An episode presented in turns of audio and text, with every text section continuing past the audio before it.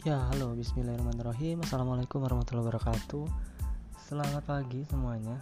Selamat pagi aja ya, supaya semangat terus ya Kalau pagi semangat gitu kan. Baik, hari ini kita akan membahas tentang apa ya Enaknya? Kayaknya tentang uh, tips menulis aja ya. Tips menulis Karena targetnya pendengar-pendengar podcast ini dari unsur mahasiswa dan mahasiswi. Nah, di sini saya punya beberapa tips untuk menulis.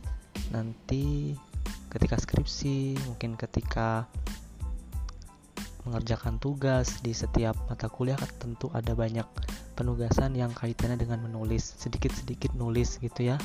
Nah, baik, yang pertama mungkin teman-teman harus bisa melihat dari sisi temanya ini. Jadi yang pertama itu temanya ya. Karena ketika tema tersebut kita sudah pahami, sudah kita kuasai, tentu ke depannya akan lebih enak. Kadang kita nggak suka temanya sehingga males memulainya. Padahal untuk bisa mengakhiri tentu harus memulai. Ya, pertama itu dari tema. Jadi supaya senang gitu supaya bahagia dalam menulis carilah topik yang kamu sukai gitu. Yang disukai yang di uh, pengenin ya macam-macam kan ya. Jadi setiap orang itu punya referensi masing-masing mengenai tema tulisan. Jadi udah seneng dulu sehingga kalau pas mau nulis itu nggak berat rasanya. Kemudian setelah dari tema, yang kedua kita bisa lihat dari ketersediaan data. Ya. Jadi kalau sebelumnya mungkin kita sudah banyak berinteraksi dengan seseorang, dengan e, bapak, ibu e, atau siapa pun. Nah, yang biasanya kita temui atau referensi kita ketika ngobrol, ketika bertemu dengan orang itu biasanya tentang apanya. Nah, biasanya itu Eh, secara tidak langsung akan menyediakan data awal terhadap apa yang ingin kita tulis. Nah, jadi yang tahu, yang paham tentang ketersediaan data itulah uh, dari teman-temanmu, dari teman-teman semua.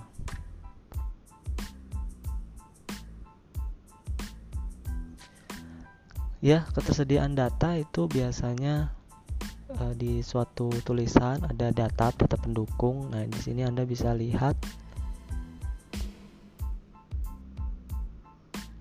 Ya, kemudian ketersediaan data.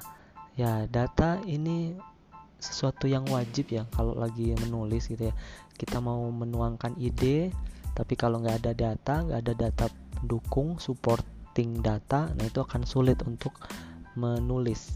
Nah, jadi yang kedua ada ketersediaan data. Ini data bisa didapatkan ketika kalian interview, mungkin ketika kalian browsing atau apa pun ketika kalian skripsi mendapatkan kuliah dari bapak ibu dosennya. Nah kemudian bisa dari ketika membaca jurnal baca buku kemudian e, apa surat kabar majalah dan lain-lain. Nah itu yang kedua. Kemudian yang ketiga yang tidak kalah pentingnya tentu harus mau untuk membaca. Jadi jangan malas membaca. Itu tips yang ketiga nah untuk bisa menulis yang bagus pastinya kita harus banyak input. Inputnya itu ya tadi bisa dari interview kalau kalian sering sering-sering cerita gitu.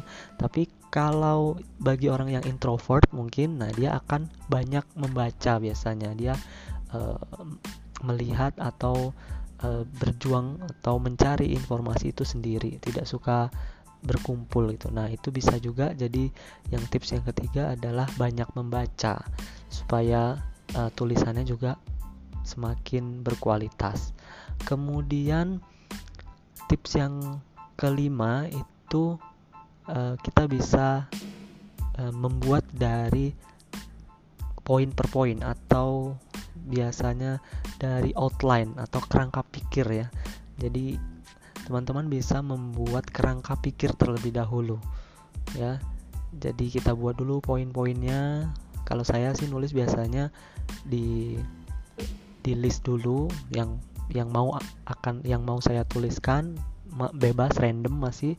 Nah nanti di situ kita akan bisa otak atik kita akan bisa atur dari beberapa topik dari beberapa ide yang kita tuliskan tadi kita akan uh, atur mana yang cocok untuk di uh, depan mana yang cocok di tengah kemudian mana yang cocok di akhir gitu nah ini sebuah proses sehingga teman-teman nanti bisa mencobanya langsung nah mana yang uh, lebih masuk atau lebih cocok, lebih sesuai dengan karakter kalian. Kemudian yang tidak kalah penting yaitu kita ciptakan target, kita buat target gitu ya. Biasanya mahasiswa gitu kan banyak ajakan main sana, main sini, nongkrong sana, nongkrong sini. Nah, sehingga target-targetnya ini kadang e, mundur. Nah, kita biasakan setiap misalnya nih uh, poin pertama atau topik pertama kita harus selesai dalam dua hari nah sebelum sebelum selesai kita langsung bikin semacam reminder oh nanti kalau belum selesai saya nggak akan keluar gitu atau saya uh, tidak akan jajan. Nah sebaliknya kita harus punya reward reward reward tertentu ketika kita sudah uh, melampaui target tersebut. Misalnya dalam ini target untuk poin pertama uh, topik pertama gitu kita tadinya dua hari tetapi dalam satu hari ternyata udah selesai di topik yang pertama. Nah itu kita nggak apa-apa kita manjakan diri kita karena melebihi target misalnya dengan nonton bioskop misalnya dengan uh, makan yang enak gitu ya. Kemudian setelah tips yang keenam tadi ada tips yang ketujuh. Ini kayaknya pada senang semua deh kalau tips yang ini. Nah tips yang ke, yang kesekian ini itu kita bisa gunakan FGD ya. Forum group forum group discussion ya nanti teman-teman akan bisa bertemu berkumpul gitu dengan uh, mahasiswa yang lainnya yang kira-kira topiknya itu mirip-mirip ya yang yang menyukai de, menyukai hal yang sama. Nah, itu bisa kalian berkumpul kemudian ngobrol. Tentu saja ngobrolnya terkait uh, topik tulisan ya. Nah, itu nanti juga bisa membuat ide-ide kita berkembang sehingga tulisan kita juga akan lebih berkualitas. Kemudian yang tidak kalah pentingnya ini ya, itu adalah tempat. Kalau saya sih jujur sukanya tempatnya yang nyaman gitu ya kayaknya semuanya ya sukanya tempat yang nyaman yang sejuk gitu tidak bising nah mungkin teman-teman ada juga beberapa orang itu tipenya yang sambil mendengarkan musik ada yang sambil nongkrong mungkin ya terus dia bisa uh, dapat inspirasi dapat dapat inspirasi sih iya cuman kan fokusnya sekarang adalah menulisnya ya. Kalau inspirasi saya pikir semua orang di tempat di tempat mana pun tempat apa pun bisa mendapatkan inspirasi. Hanya saja untuk menulisnya ini menulis ya mengetik ya mengetik di laptop gitu atau nulis di buku gitu kan uh, harus ada kemauan yang kuat. Oke itu tempat jadi sangat uh, menurut saya itu sangat berpengaruh ya menurut saya pribadi. Kemudian nah ini yang terakhir. Yang terakhir itu adalah teguh pendirian asik. Teguh ya pendirian yang teguh. Jadi ketika udah mulai loyo nah kita harus uh, kuat lagi kita harus teguhkan pendirian lagi bahwa uh, target kita kemudian tadi uh, konsekuensinya apa kemudian rewardnya apa ketika uh, target tersebut tercapai. Seperti itu ya jadi ada beberapa tips yang bisa saya sampaikan. Itu dari beberapa dari pengalaman pribadi dan beberapa dari uh, cerita-cerita teman-teman yang uh, sukses menulis. Begitu itu da dari saya tips menulis. Terima kasih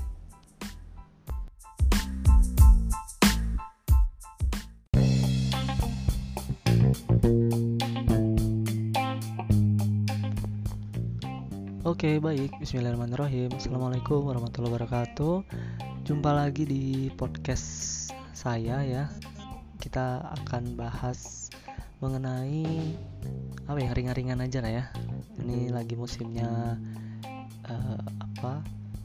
Keterima di universitas ini ya. Jadi kita akan bahas tipe-tipe mahasiswa secara umum ya ini mungkin yang sudah jadi mahasiswa yang lagi dengerin ini mungkin akan ngangguk-ngangguk mungkin kadang ada yang relate banget dengan dia atau malah yang lagi dengerin ini adalah uh, bagian dari yang saya sebutkan nanti. Oke kita mulai ya. Jadi kalau ini mahasiswa-mahasiswa baru ada yang kemarin keterima SNMPTN bahagia banget ya di universitas yang yang diinginkan gitu nah nanti ketika di dalam perkuliahan teman-teman itu akan menjumpai beberapa tipe-tipe mahasiswa. Yang pertama ada mahasiswa perfeksionis. Ya. Ini nanti bisa dilihat dari gerak-geriknya. Misalnya ketika mengerjakan tugas itu duluan ngumpulnya. Kemudian ketika kuliah dia yang paling banyak bertanya, dia yang paling aktif. Kemudian ketika ulangan, ketika ujian dia yang uh, nilainya paling bagus satu kelas ya ini memang ya nggak jelek nggak jelek tapi biasanya ya rata-rata ya ini sulit untuk diajak bergaul. Ya tapi ada juga satu dua yang masih oke okay diajak jalan. Cuman beberapa memang uh, sulit diajak bergaul karena dia fokus sekali dengan kuliahnya. Ya nggak apa-apa memang beragam ya. Kalau di ruangan kelas itu memang beragam sekali.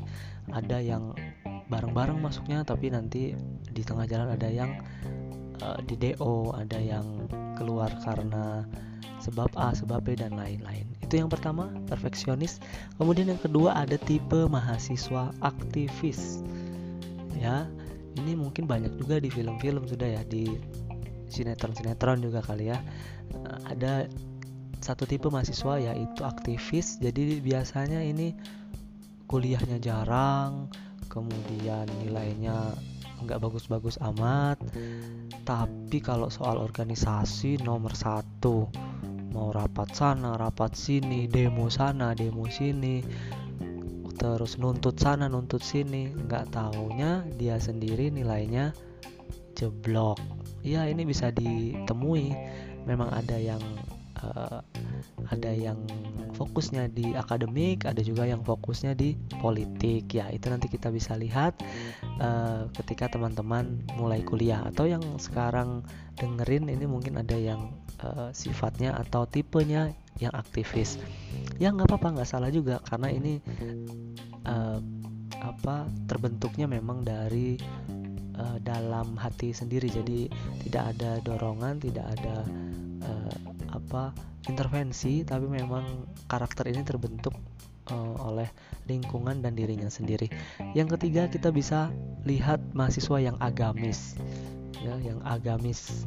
Jadi uh, mohon maaf ini ya bukan mendiskreditkan uh, kelompok tertentu tapi yang biasanya terlihat seperti itu ini saya contohkan langsung misalnya ada mahasiswa yang celananya agak cingkrang nah ini uh, memang di uh, dianjurkan untuk uh, di atas mata kaki. Nah ini uh, pakaiannya ya celananya khususnya.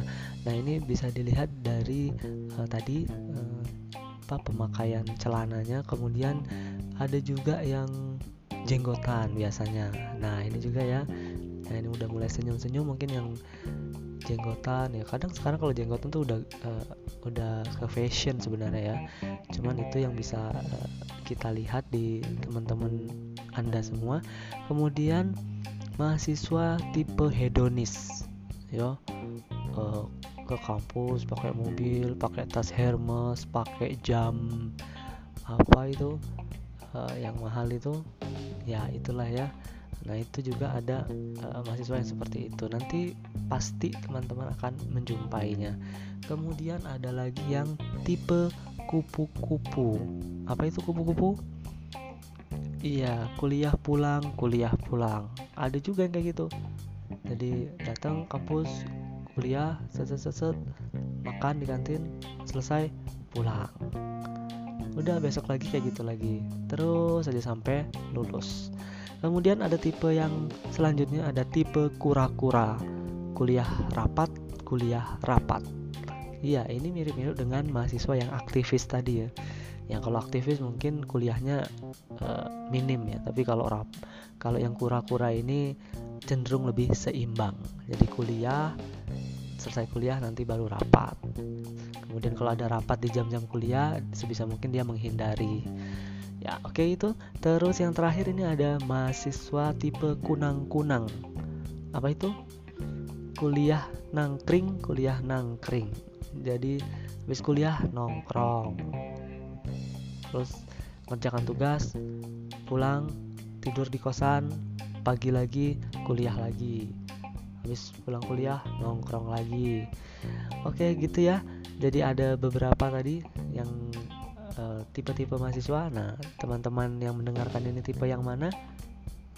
Iya silahkan di uh, nilai sendiri. Terima kasih. Wabillahi taufiq hidayah. Assalamualaikum warahmatullahi wabarakatuh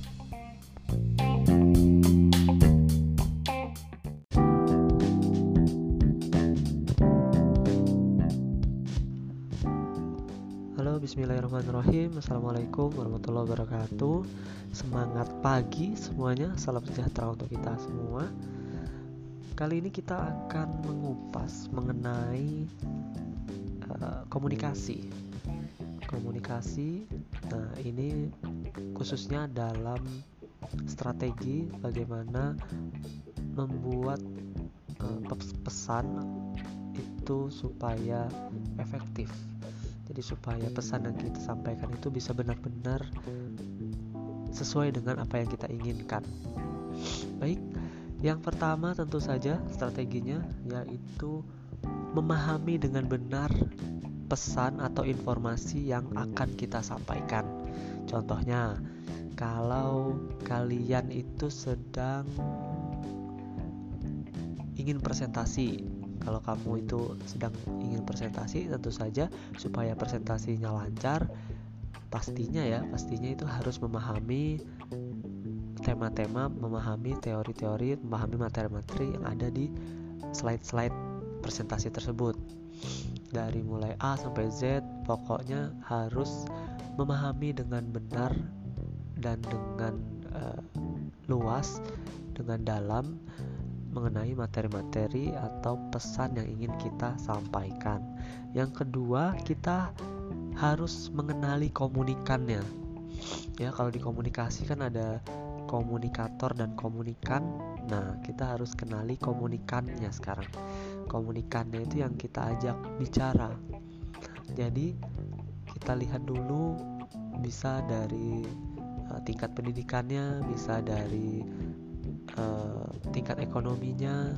Nah itu juga akan membuat kita lebih mudah nantinya supaya pesan-pesan yang kita sampaikan itu bisa cepat diterima bisa dengan baik diterima. Apa yang kita inginkan itu sama dengan uh, yang mereka dapatkan. Gitu ya. Jadi harus sama uh, harus kita kenali dulu komunikannya. Kemudian kita coba uh, gali ada kesamaan frame of reference dan field of experience. Nah, artinya apa ini? Artinya ketika kita punya referensi yang sama, punya beberapa pandangan uh, terkait hal tertentu itu sama, mungkin bisa apa pandangan politik mungkin bisa klub sepak bola mungkin bisa juga kalau cewek-cewek sekarang itu drama kesukaan drakor ya drama Korea misalnya ataupun um, apa bias-bias Korea itu yang kalian sukai itu pasti akan lebih cepat lebih nyambung ketika bercerita ketika berkomunikasi. Kemudian kita perhatikan juga kemasan pesan ya kemasannya. Mau lewat WA mau lewat telepon nah itu sangat tergantung sekali uh, apa feedback yang ingin kita dapatkan. Kalau mau cepat supaya tidak banyak berbohong supaya menghindari kebohongan dari komunikan ya kita telepon langsung ya. Kalau uh, feedbacknya masih bisa agak lama ya kita WA mungkin. Kemudian kalau butuh file yang besar ya tentu saja kita harus pakai email misalnya yaitu tergantung bagaimana uh, feedback yang ingin kita dapatkan kemudian yang selanjutnya itu ada menggunakan bahasa dan simbol komunikasi ya. Jadi gunakanlah bahasa yang sekiranya itu bisa diterima oleh umum. Kalau di Indonesia ya pakai bahasa Indonesia. Ya kalau di uh, suatu perkampungan yang mereka nggak bisa bahasa Indonesia ya coba kalian gunakan uh, apa translator dari uh, pemerintah terkait atau dari daerah terkait kalau kamu nggak bisa bahasa uh, mereka. Gitu ya. Kemudian juga pakai simbol-simbol tentu saja ya. Kadang beberapa uh, bahasa beberapa kata itu sulit diungkapkan tetapi ketika menggunakan simbol itu mereka akan lebih atau komunikan tuh akan lebih jelas lebih paham. Kemudian jangan lupa disertai dengan jokes ya karena menurut penelitian itu paling 15-30 menit orang itu bisa menyerap informasi yang disampaikan oleh komunikator. Selain itu, kalau tidak disertai dengan jokes, tidak disertai dengan ice breaking, itu akan uh, menjenuhkan sehingga informasi-informasi itu akan mental. Begitu. Kemudian juga disertai bahasa tubuh ya, body language. Itu juga penting karena beberapa part beberapa kata-kata itu akan lebih jelas, lebih terkenal lebih apa ya lebih ya lebih terlihat kejelasannya itu ketika menggunakan body language. Oke ya begitu. Saya rasa ada banyak masih ya sebenarnya strategi strateginya. Hanya saja yang bisa saya sampaikan saat ini uh, hanya uh, beberapa tadi. Mudah-mudahan bermanfaat wabillahi taufiq walhidayah wassalamualaikum warahmatullahi wabarakatuh